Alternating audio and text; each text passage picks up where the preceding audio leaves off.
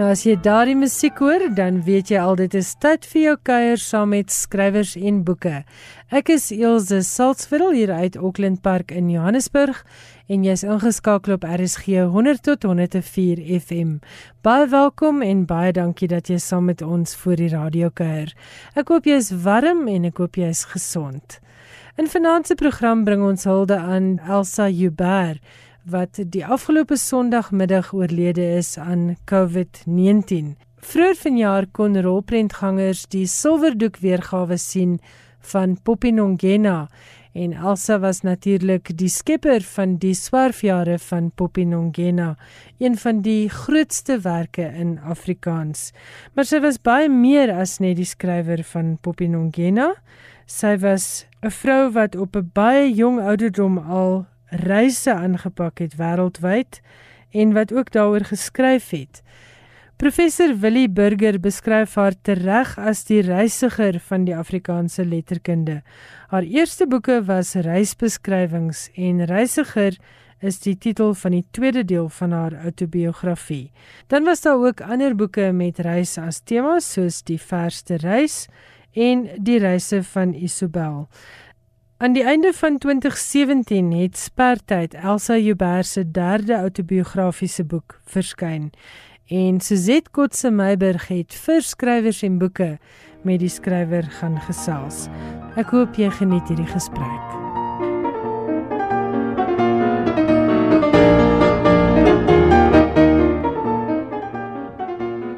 Goeienaand en baie hartlik welkom by Skrywers en Boeke wat ons vanaand wy aan Elsa Joubert. Hierdie gevierde 60er skrywer, veral bekend vir die swerfjare van Poppy Nongena, het onlangs haar 95ste verjaarsdag gevier en sommer terselfdertyd 'n nuwe boek bekend gestel.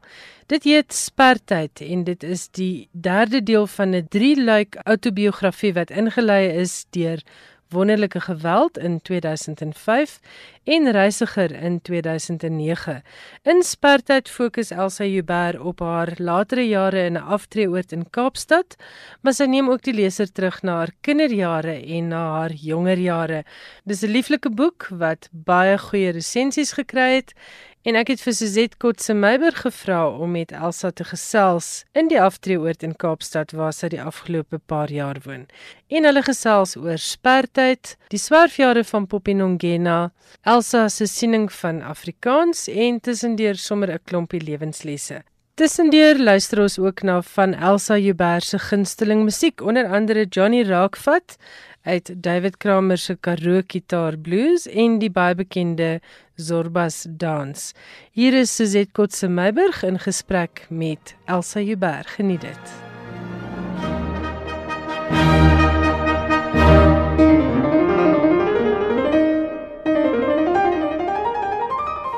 Elsa, baie welkom by Skrywers en Boeke. Dit is 'n baie groot voorreg om vandag met jou te gesels.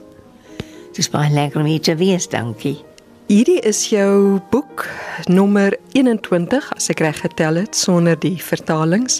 Jy skryf in spertyd al wat met die minimum angs aangepak kan word is die pad na die verlede. Is dit waaroor hierdie boek van jou gaan? Maar spertyd gaan oor oud word. Die minimum angs is omdat ou mense altyd angstig is. Jy weet jy kan maar enige ou mens kry selfs as hy moet moet uh, bang wees hy angstig. Nou ja, as jy nou wil skryf oor oor 'n tydperk of oor 'n stadium in jou lewe, dan is dit 'n reis wat jy kan aanpak sonder angs van dit het al gebeur en dis nou betragting. Dis 'n reis in die ouderdom. Want dit is vreemd, ons almal weet ons gaan oud word. Dit is 'n 'n ding so sonder ons kan lewe nie. Ons word groot met ou mense om ons. Ons weet daar is iets soos ouderdom wat se lei natuurlik na die dood toe. Maar wat vir my al meer blyk dit is ons het nooit 'n idee gehad wat ouderdom regtig is nie. Jy weet ons weet ons gaan oud word en ons weet daai tannie dan nou baie oud geword, bietjie kindsoek geword. En ons weet daai ouma loop swaar of daai ouma vertel stories oor en oor. So ons maar ons het nie nooit besef ons gaan dit ook ervaar nie. En ons gaan dit op 'n manier ervaar wat nog niemand anders gedoen het nie.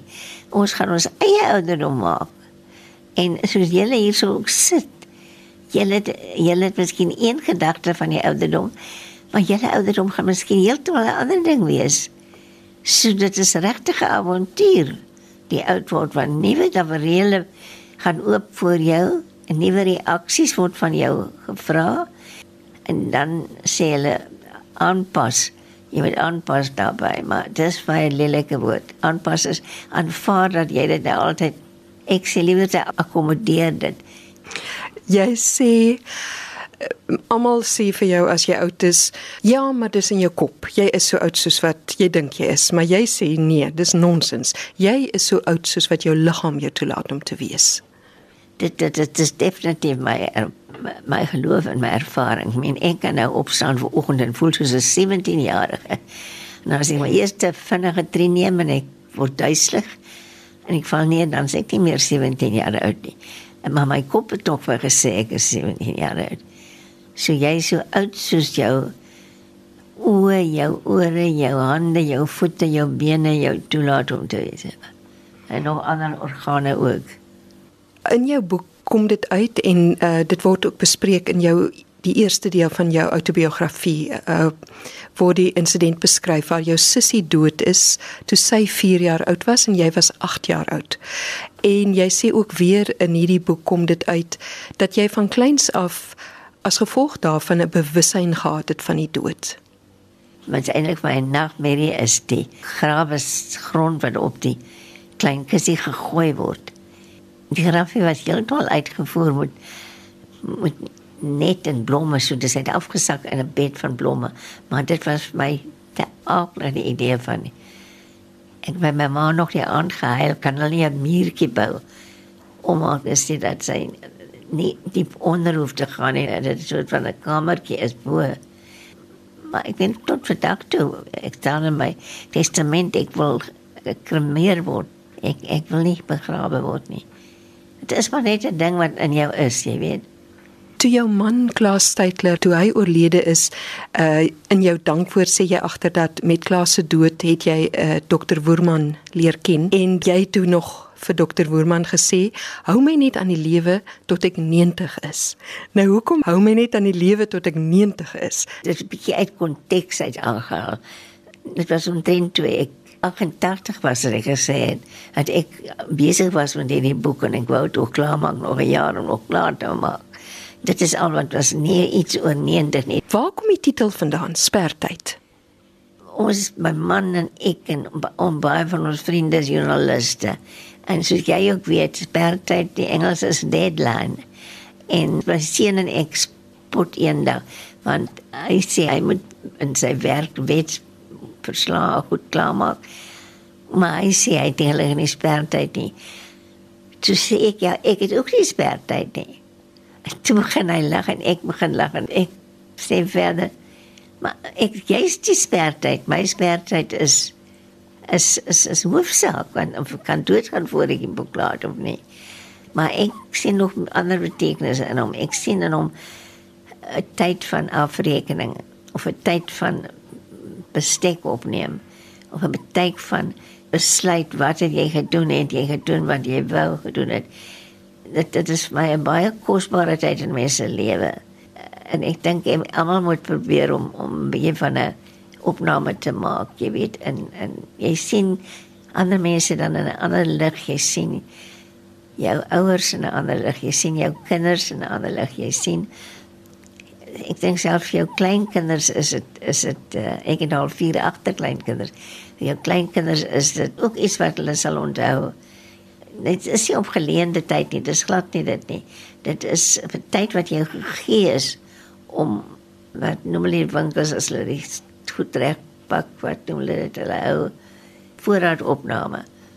En en baie van jou idees of vooroordeele sien jy nou met ander oë in en jy sien ander mense met ander oë en jy sien daar's 'n patroon waarvan jy nie bewus was nie.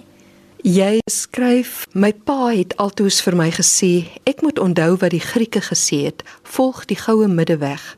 Maar ek kon nie. Ek het probeer, pappa, maar ek kon nie. Hoe so?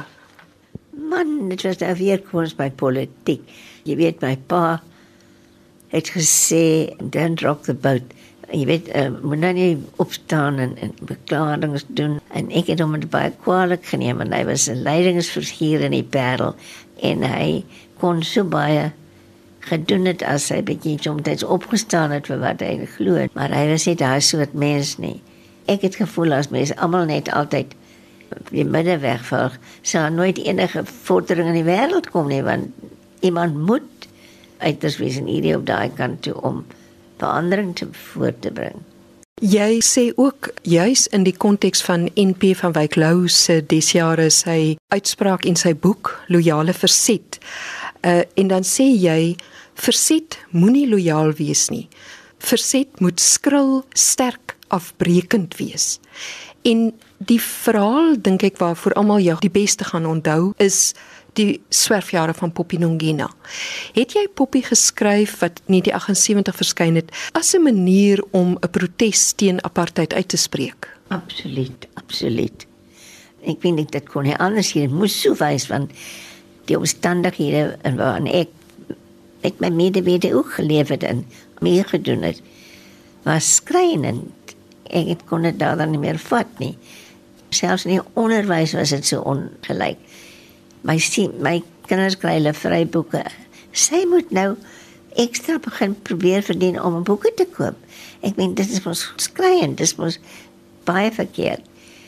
Man is nou al bekend sy het by my gewerk.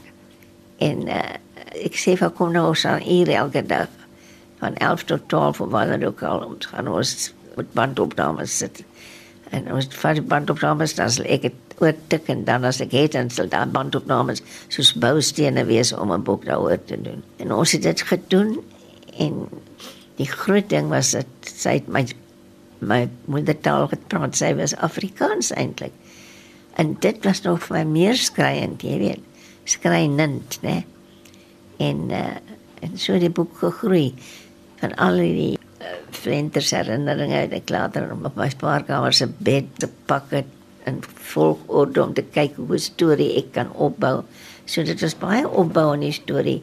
Want Pies vertel nie 'n storie van die begin tot einde, jy vertel mos Flanders. En die reaksie binne die Afrikaanse wêreld van die tyd. Jy was deel van 'n mens van maar die woord gebruik. Jy was deel van die establishment. Jy was toe al 'n baie gevestigde skrywer, bekroonde skrywer. Het daar negatiewe reaksie na jou toe gekom as gevolg van hierdie storie wat jy vir Afrikaanse mense, Afrikaanse lesers net oopgemaak het. Uh Poppy het 'n enorme invloed gehad binne die hele Afrikaanse wêreld. Het jou eie mense, as ek dit so kan sê, het hulle jou gekritiseer? Maar ja, oorweldigend vir my was want ek het die kriek verwag en ek het dan baie kritiek gekry al in destyds want ek was nou ons net van die skrywersgilde en ons het almal betrokke boeke geskryf maar wat my baie verbaas het. Ek het skrikkelik baie pos gekry. En oor die pos het ek nie een soos my man gesê het hartbrief gekry nie. Nie een nie. Want ek het van Engelse mense, van swart mense, van wit mense, van Afrikaners van jonk van oud gekry. My so geroer een man, ou Engelsman uit Natal skryf my, you know for 30 years I had a garden boy and now I have a man with children and with nieces and nephews and grandchildren working in my garden. Dat sy oë so opgegaan het was vir my so beteken jy weet ek was baie ontroerd. Eh, wat mense betref het.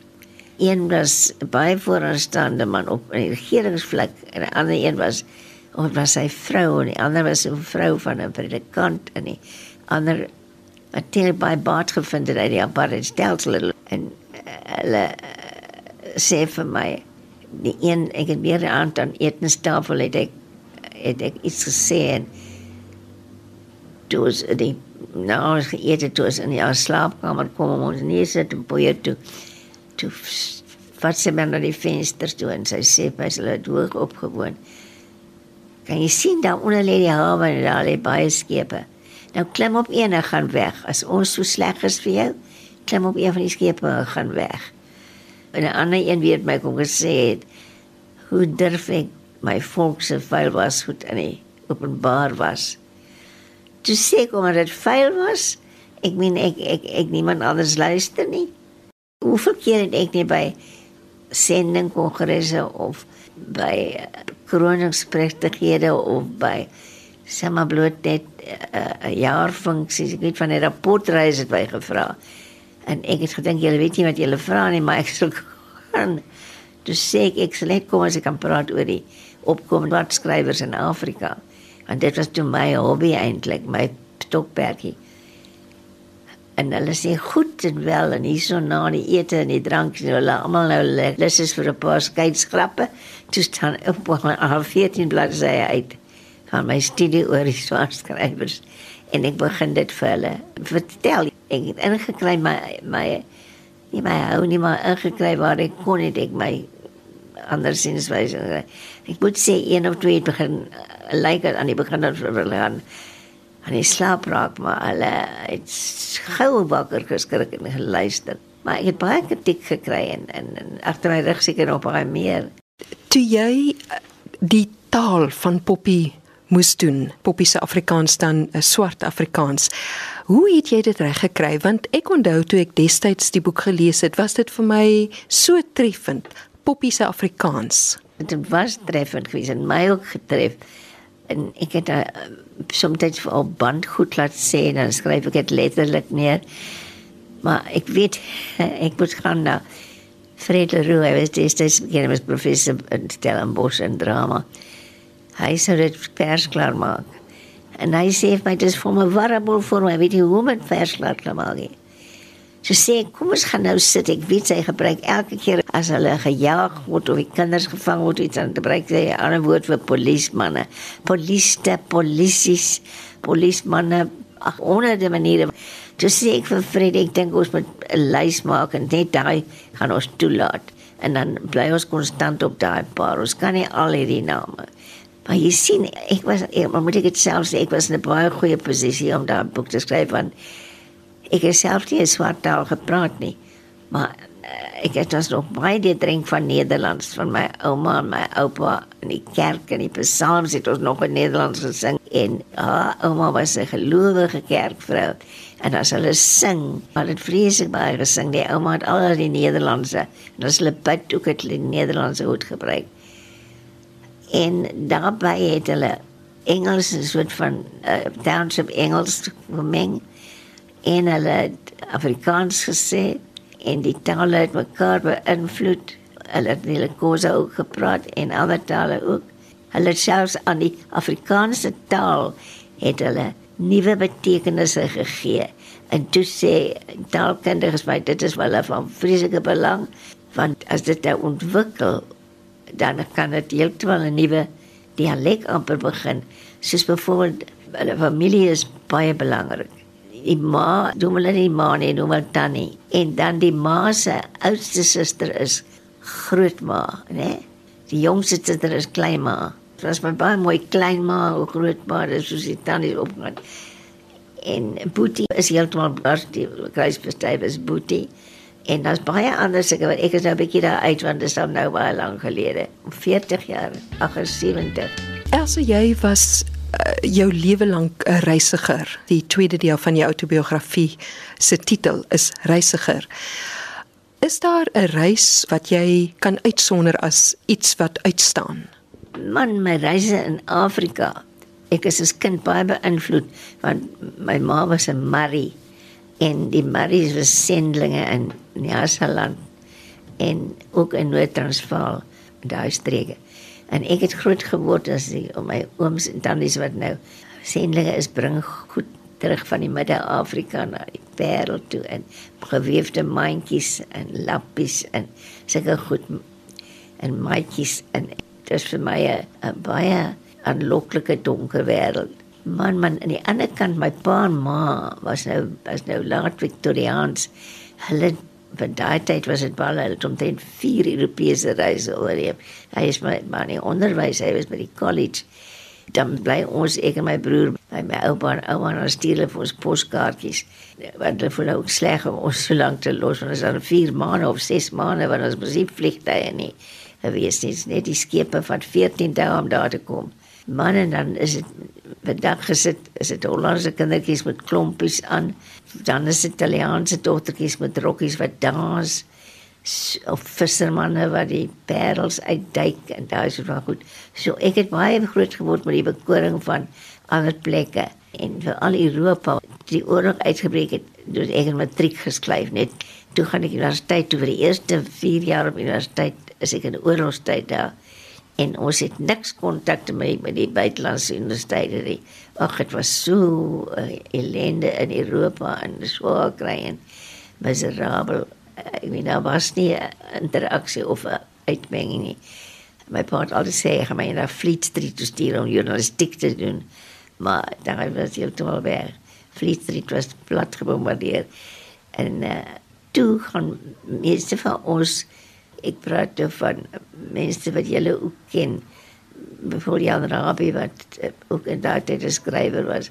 Hy is weg Europa toe en Sheila Cousins is nou aan Petita was weg Europa toe en baie van ons geslag is Europa toe as jy kon dit bekoste. Nou ek wou wegkom uit die land het my bietjie benoud geword en ek het toe kennis gekry by die huisnood gewerk en ek het baie lekker werk gehad en ek het kennis gegee en ek het begin spaar. Ek het nog nooit in my lewe geskryf as daai half jaar nie. Maar ek het vir alles geskryf vir die kinderprogramme op die radio, vir die radio, vir die kinderblad, vir die jongspan. Daar was nog 'n woord te tiener gehad, nie, maar vir die jong mense, hulle stokperkies, ek het vir die vrouens het ek raad gegee oor die babas. Vir die kleuters het ek storieetjies opgemaak om te om te spaar en ek het ek het genoeg geld gehad na 6 maande om maar die geld was ook anders. Ons het vreeslik min gekry vir 'n artikel iets 'n paar shillings. Ons het nog in shillings gewerk, shillings en ponde, ja. Maar pond het jy nooit gekry vir 'n artikel nie, dit was te veel. Wel toe was my my ambisie was ek was altyd maar by avontuurlustige kind en my ambisie was ook om te gaan kyk waar die Nyl begin. Ek het erns gelees jy kan op die Nyl ry omtrent van sy oorsprong tot by sy mond in Kaïro. Toe was hy nou my ambisie om dit deur Afrika te doen. Alleen man en en met min geld.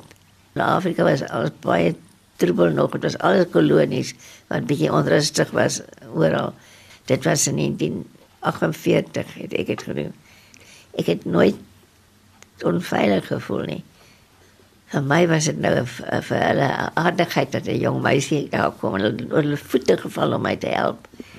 Jou groot Afrikaanse roman is Die reise van Isabel wat ook die Hertzogprys gekry het. En in Die reise van Isabel trek jy eintlik al hierdie wêrelde bymekaar van jou ouma se Victoriaanse lewens, jou paale tot in die moderne wêreld mens kan sien soos die boek vorder, raak jou taal ook meer modern. Is die reis van Isabel vir jou ook jou groot roman of is daar 'n ander een wat jou nader aan die hart lê? Man, reis van Isabel het ek gedoen wat ek wou, ek wil 'n hele eeu in in, in swart en wit op papier hê. En dit ontstaan van in Engeland na Poppy se vertaling publiseer is die uitheers daar vir my ontvang en onthaal het so aan en want hy het toe 'n prys ook gekry in Engeland. En dus neem die die vrou wat dit hanteer het vir my Meg Margaret Body was haar van naam. Neem my sy vir my en vir Klaas na restaurant vir lunch. En sy kyk so by nader en sy sê my nou jy 'n vrou 'n swart vrou se familie se clan en jy daar haar lewe en jy daar jy het nou nie tog deur gegaan tot haar dood nie, maar hy het 'n groot deel van haar volwasse lewe gegee aan haar kinders en so aan. Nou wanneer gaan jy vir ons die ander kant van die prentjie gee? Dit is nou 'n wit vrou se klein en sy afkoms en hoe sy in Afrika gekom het en dan haar opvoeding met drie geslagte kry. En toe was dit 'n baie regte uitdaging. My ma was al oorlede en my pa ook Ek het nog 'n tante gehad dan Lisie wat Stellenbosch gewoon is, sy was afgetrede onderwyseres, sy was al in die 90. Ek was nou baie na na, ek was al wat sy eintlik gehad het om haar sake wat doen, sy het nooit getrou nie. Sy het die kinders gehad nie, sy het my kinders gebrei en daai soort van ding gedoen. En sy word 94 en ons is toe Stellenbosch die dag en ons gaan al aan Lisie uit om te gaan stem.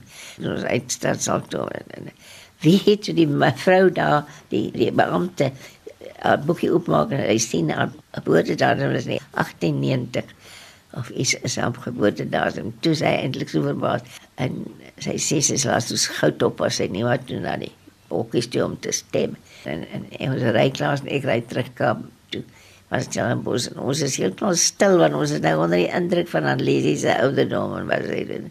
En die skiedenis wat om ons plaas van en ek skielik kry ek gedagte ek sê ek gaan Anlesie as die middelpunt vat en sy het nou heeltemal 3 eeu heeltemal belewe sy is gebore in die 19de eeu en sy sterwe aan die einde van die 20ste eeu.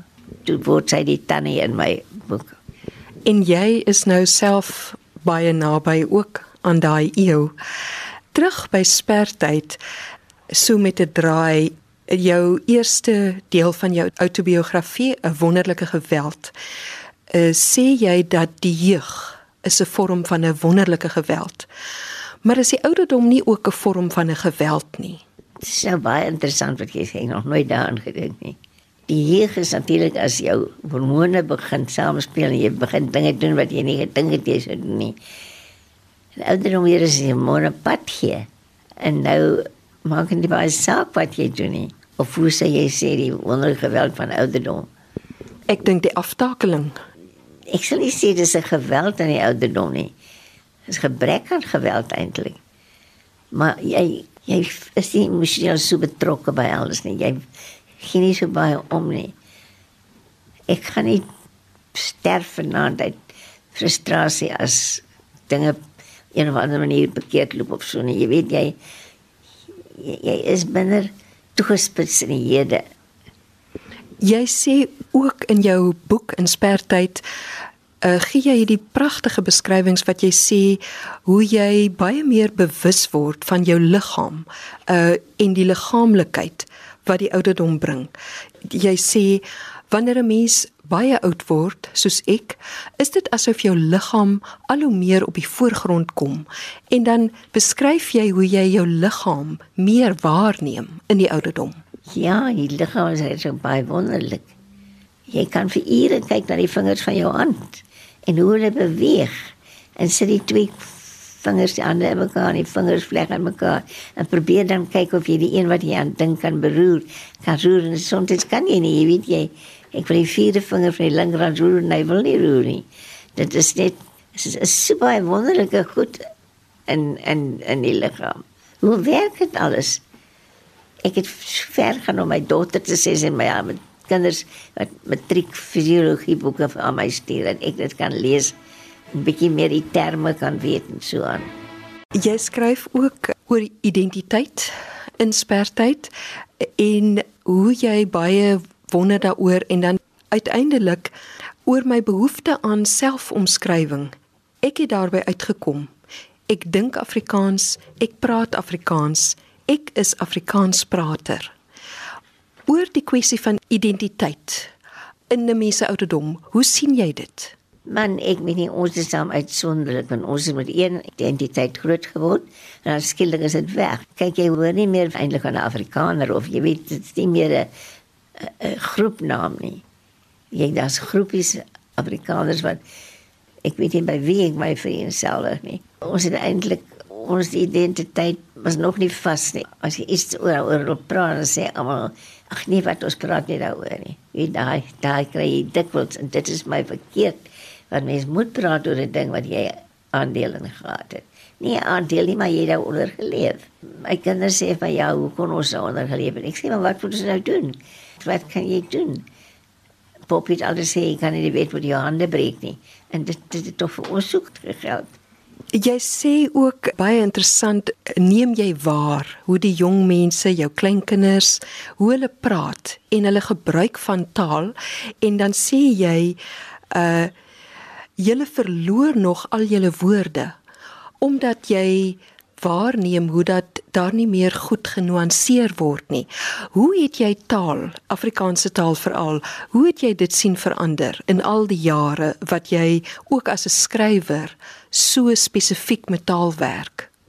Man, ek weet nie jy as joernalis nou jy wat werk meer met taal elke dag. Weet jy of jy dit voel of nie, maar ek het gevoel die kinders nuanceer nie meer nie. Hulle hulle is een woord vat vir alles en maar alles oor hierdie duime en die en die selfone wat my bietjie kwaad maak of my bietjie ongelukkig laat voel. As ek met kinders in 'n motorkar is of ergens is was ek tog uitgaan met my kinders. Man, hulle gesels ook nie altyd met mekaar nie. Hulle is net daai goeie. Dit is vir my baie betreurenswaardig. Dit is verarmend. Ek gaan lees 'n paar van die ou Afrikaanse boeke, die heel oues, Microsin of of eh, van daai boeke. En hulle gebruik woorde wat ons nog nooit gehoor het nie. Alles het ons verloor. Geld dit ook vir lees want daar's die baie interessante stuk in in jou boek. Jy na 'n operasie is jy in die hospitaal vir 'n lang tyd en jy het geweldig baie gelees soms deur die nag en dan beskryf jy hoe bekommerd die verpleegpersoneel is net omdat jy so baie lees dat daar een is wat amper kom vra is, is is jy nog reg? So gaan dit saam dan ook die taal wat verander gaan dit saam met lees ek moes daar uitvind tot by skande moes ek uitvind. Daar is nie net 'n nuwe woord wat vir my so in die krop steek papierboek. Daar is dit gaan nie meer net oor papierboeke nie. Vir my het dit net gegaan oor papierboeke. Ek weet as die woord tevore hoor nie. As dit gaan oor lees nie algemeen want my dokter het my die vorige die volgende oggend so opgetrek toe ek hom sê niemand lees hier nie toe haal hy sy selfoon uit en hy druk 'n knop en hy sê maar ek lees. Maar ek lees as ek by robot toe kom alles op my selfoon. Nou dit bly nie vir my dieselfde nie. Maar die taal wat verarm dink ek gaan saam met elektronika. En uh, die elektronika lees doen 'n afbreek aan hele begrip boek. Kyk uit 'n boek se hele voorkoms en alles kom jy mos iets agter en dit kan 'n elektroniese boek nie veel gee nie Elsa ek wil afsluit met so 'n mooi woord wat jy gebruik wat jy self geskep het dink ek binnestilte in die laaste deel van die boek praat jy oor 'n mens se kom ons sê magiesterlike belewing en jy sê ek kan myself net vind as ek stil is. In elkeen van ons is daar 'n ingebore kern van stilte. Beskryf 'n bietjie daardie begrip van die binnestilte. Man binnestilte is eintlik 'n mens se kern dink ek. Woorde om geestelike goed met te beskryf is moeilik om te kry want almal beteken dit iets anders. Niemand kan sê presies wat dit is nie. Wie weet wat siel is? Jy weet ons ons weet nie wat dit is nie. En binnestilte is vir my beskrywend van iets binne in ons. Ander mense het siel noem, ander mense het jou kern noem, ander mense het iets anders noem, maar dis iets baie kosbaar wat diep binne in jou is. Ons kan geen daar verby gaan sonder om daaraan te bly. Maar as jy jou toewy daaraan om jou af te sluit van al die miljoene goed om jou wat jy aandag wil kry.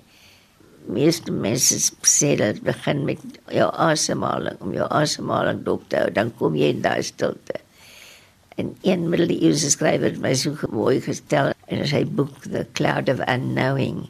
Die cloud of unknowing is so waar die binne die stilte en waar die goedheid alles is wat ons nie kan kom nie. Maar dan dan gee jy 'n bietjie raad, hy sê eers moet jy al die ander goed onder 'n cloud of forgetting sit.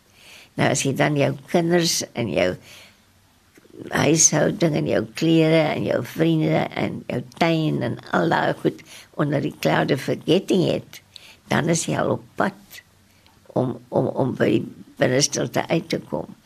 En dan kom daar 'n vrede oor jou en is regte stilte.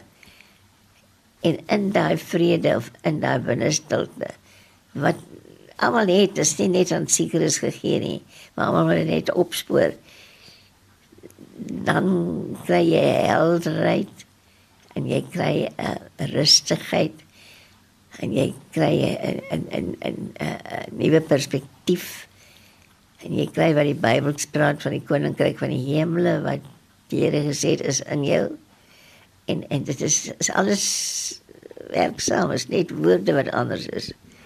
En wat is die dood dan? Jou beskrywing, jou siening daarvan?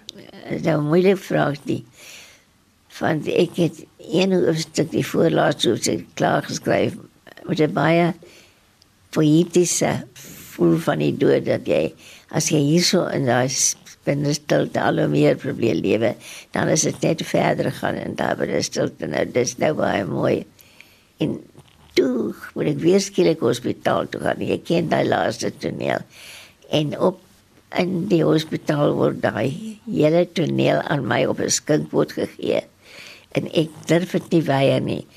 Uh, jy weet daai die hele uh, oomblik daar in die badkamer. Ek het baie ontstel gevoel die oggend dat ek sê vir die dokter toe hy kom. Hy vra hoe gaan dit nie gaan goed man, bring my net 'n bier en 'n potlood. En hy bring dit vir my daar en ek, ek sit en skryf die hele ding net soos dit ervaar het. En ek het nie 'n woord verander nie. Ek het huis toe gekom en ek op my sien gaan uithaal en ek het dit gaan oortik daar en ek het nie 'n woord verander nie want ek het gevoel dis soos dit aan my gegee is en ek kry nooit hierdie dinge ingewe dit is nie ek ek is nie van daai begenadig dis wat 'n ingewing gegee word nie want dit is 'n gegee toe voel ek ek moet dit so skryf en daar weet mens nog minder wat die dood is is dit net 'n 'n blaartjie wat toefou As dit nag word, is dit net 'n stoffie wat opkom op die pad en dan gaan lê. Maar wat in maar ek probeer sê dat die blaartjie en die stoffie wie ook al voor hulle gaan lê, voor hulle uitgewis word sien kyk kyk hulle in nie. Ek wou gesê die aangesig van van glorie of van skoonheid of van krag. Jy gebruik so 'n mooi begrip daarvoor die skepende krag wat die hele wêreld en die al wat bestaan omvat. Elsa baie baie dankie vir die gesprek en ek wens jou nog jare toe. Baie dankie. Dankie hoor, baie dankie. Dit was Suzette Kotse Meiberg in gesprek met Wile Elsa Joubert. Die gesprek is die eerste keer in 2018 op skrywers en boeke uitgesaai. Ons innige meegevoel aan haar geliefdes. Afrikaans het 'n reus verloor.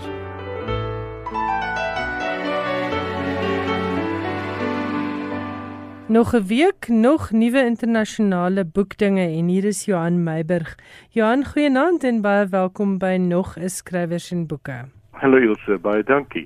Vanaand het jy vir ons nuus oor Rutger Bregman. Hy is 'n Nederlandse skrywer wat verlede jaar in Davos 'n aanlyn sensasie geword het toe hy by die Wêreldekonomiese Forum uitgevaar het teen soos hy dit genoem het die absurditeit van rykes wat hulle private spuitvliegtuie gebruik om na David Attenborough te gaan luister oor die klimaatkrisis. Hy het verder aangegaan oor mense wat nalat om belasting op te dok of 'n woord daaroor te rep. Bregman het gesê dit voel vir hom asof hy by 'n konferensie van brandbestryders is en niemand word toegelaat om oor water te praat nie. Die 32-jarige Rutger Bregman, 'n historikus, is geen heethoof nie, maar duins ook nie terug om sy sê te sê nie. Een van sy boeke, Utopia for Realists, How We Can Build the Ideal World is vertaal in 32 tale en hy is by geleentheid al beskryf as die Nederlandse wonderkind van nuwe idees en een van Europa se voorste jong denkers. Pas het hy 'n nuwe boek op die rak, juis in 'n tyd dat die boekwêreld saam met soveel ander ondernemings die afgelope paar maande maar swaar trek. Boekwinkels het pas maar oopgemaak maar boekbekendstellings is beperk tot goed so Zoom. Letterkundefeeste, die wat aanlyn voortgaan, bied nie direkte kontak met skrywers nie. In bemarking van boeke is ewenigs beperk tot aanlyn. Maar te gelyk lyk dit asof daar geen beter tyd as juis die koronavirus omstandighede is om die nuwe boek Humankind bekend te stel nie. Die boek dra die subtitel A Hopeful History, ideaal vir 'n tyd van onsekerheid, maar ook 'n tyd waarin die wêreld inderdaad 'n sagter kant gewys het. Mense wat mekaar sonder meer ter wille is, wat mekaar help, wat alles in die stryd werp om ander mense se lewens te red. En dit is presies die onderbou van Bregman se boek. Die mens is onderliggend 'n goeie wese en as ons gunstiger oor die menslike natuur kan begin dink, gaan dit tot almal se voordeel wees, voer hy aan. Wat ons hiervan weerhou, is die dominante gedagte dat die mens van nature selfsugtig is en dat die mens se aggressie deur middel van wette, reëls en regulasies in toom gehou moet word. Ek gaan hier besonder kort, maar die oplossing wat Bregman voorstel, is dat ons begin kapitaliseer op mekaar se goedheid op so 'n manier dat ons heeltemal vars kan dink oor hoe ons ons lewens kan inrig op alle terreine van die lewe. Hoewel die argument op die oog af dalk vergesog kan klink en alles dit al as belaglik afgemaak, voer Bregman sy rede met oortuiging, charme en skeute humor en beroep hy hom op niks anders nie as op die suksesverhale in die mensgeskiedenis. Hier is Rutger Bregman aan die woord oor sy Humankind: A Hopeful History wat pas by Bloomsbury verskyn het. It's a book about a simple but quite radical idea. What if most people deep down are pretty decent? In the past 15 to 20 years, there has been a silent revolution in science. Scientists from very diverse disciplines, uh, psychologists, anthropologists, archaeologists, sociologists, have moved from a quite cynical view of human nature to a much more positive and hopeful view, and have actually been arguing that we are hardwired to be friendly and to cooperate, and that actually this is our true superpower as a species. Now, I think this is a quite revolutionary idea because what you assume in other people is what you get out of them. If you assume that most people deep down are just selfish, as we have been assuming for the past 30 to 40 years, then you'll start designing your institutions around that idea, right? Your schools, your workplaces, your democracies, and that's what you get out of people. What you assume in other people is what you get out of them. Now, if we move to a new, more hopeful, more realistic view of human nature, I think that changes everything. And it's also a quite subversive idea. Because if we don't trust each other, if we think that, you know, people are deep down are just selfish, then we need them, you know, then we need the CEOs and the presidents and the bureaucrats and the generals and the monarchs and the kings and you name it. We need those in power to keep uh, each other in check. But if we actually believe in each other, if we believe that most people can be trusted, then we can move to a very different kind of society, a much more egalitarian kind of society where, yeah, we bring out the best in each other. That's the simple but quite radical idea that I'm defending in my uh, book, Humankind, A Hopeful History. Die klankgreep daar was Humankind, A Hopeful History en die skrywer Rutger Bregman het oor sy boek gesels. Johan, dan het jy vir ons nuus oor biblioteke. Ja, ek het twee sulke brokkies oor biblioteke. Die een is oor die plaaslike biblioteek in die Nederlandse dorp Groesbeek naby die Duitse grens Die het onlangs op Twitter berig oor 'n boek wat laat terugbesorg is. Die tweet lui so: Soms kan 'n mens as bibliotekaris jou oë nie glo nie. 'n Boek is vandag terugbesorg, 39 jaar, 13 weke en 5 dae laat. Duidelik kon die leser net nie afskeid neem van die boek nie. Die boek is 'n roman van Jan Wolkers met die titel Terug na Oegsgees. Jos Roelof die 59-jarige man wat die boek in Maart 1981 uitgeneem het. Sy verduideliking was dat hy sy solder skoon gemaak het en toe op die boek afgekom het. Die werklike boete op die laatboek kom te staan op iets soos R29732. Die lener is egter gelukkig aangesien die Groesbeek biblioteek 'n boeteperk van R100 op boeke het. Sjoe, R29000. Ek dink hulle kon 'n nuwe bewel, 'n hele paar nuwe boeke vir die rak gekoop het. Inderdaad so. Goed, en die tweede brokkie? Die ander een is 'n bibliotekaresse in Virginia in die FSA wat met 'n vindingryke manier vorendag gekom het om kinders aan die lees te hou nou dat biblioteke in die land as gevolg van COVID-19 gesluit is. Die bibliotekaresse Kelly Pasek het Wing, 'n hommeltuigdiens wat deur Google ontwikkel is en as loodsprojek in Virginia gebruik word, gekry om boeke by kinders van die Montgomery County School se huise af te lewer. Die skool het iets so 600 leerdlinge en die posdiens, sal dit mense dit nou maar noem, is gratis. Op dié manier gaan leerdlinge minstens leesstof hê totdat skole heropen, het sy gesê. En as ons die opwinding van tegnologie kan inspann om 'n paar kinders ver te kry om te lees, soveel te beter. Ja, dis nou 'n uh, nuwe betekenis vir die woord ligpos, né? dis is dis dis so ja.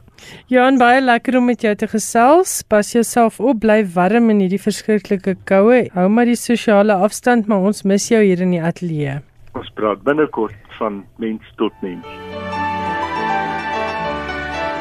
daarmee het ons aan die einde gekom van Finansies Skrywers en Boeke. Baie dankie dat jy saam met ons voor die radio gekuier het. En volgende Woensdag aand maak ons weer so. Dan gesels ek met Ben Viljoen oor sy roman Belade vir Nkunzi en Phyllis Green, Sari se boekredakteur, gaan met ons gesels oor drie nuwe fiksieboeke wat sy die afgelope Grendeltyd gelees het. Dit alles en Johan Meiburg se bydrae volgende Woensdag aand om 8uur in skrywers en boeke. Tot dan, lekker lees, bly warm en pas jouself op. Totsiens. Bye.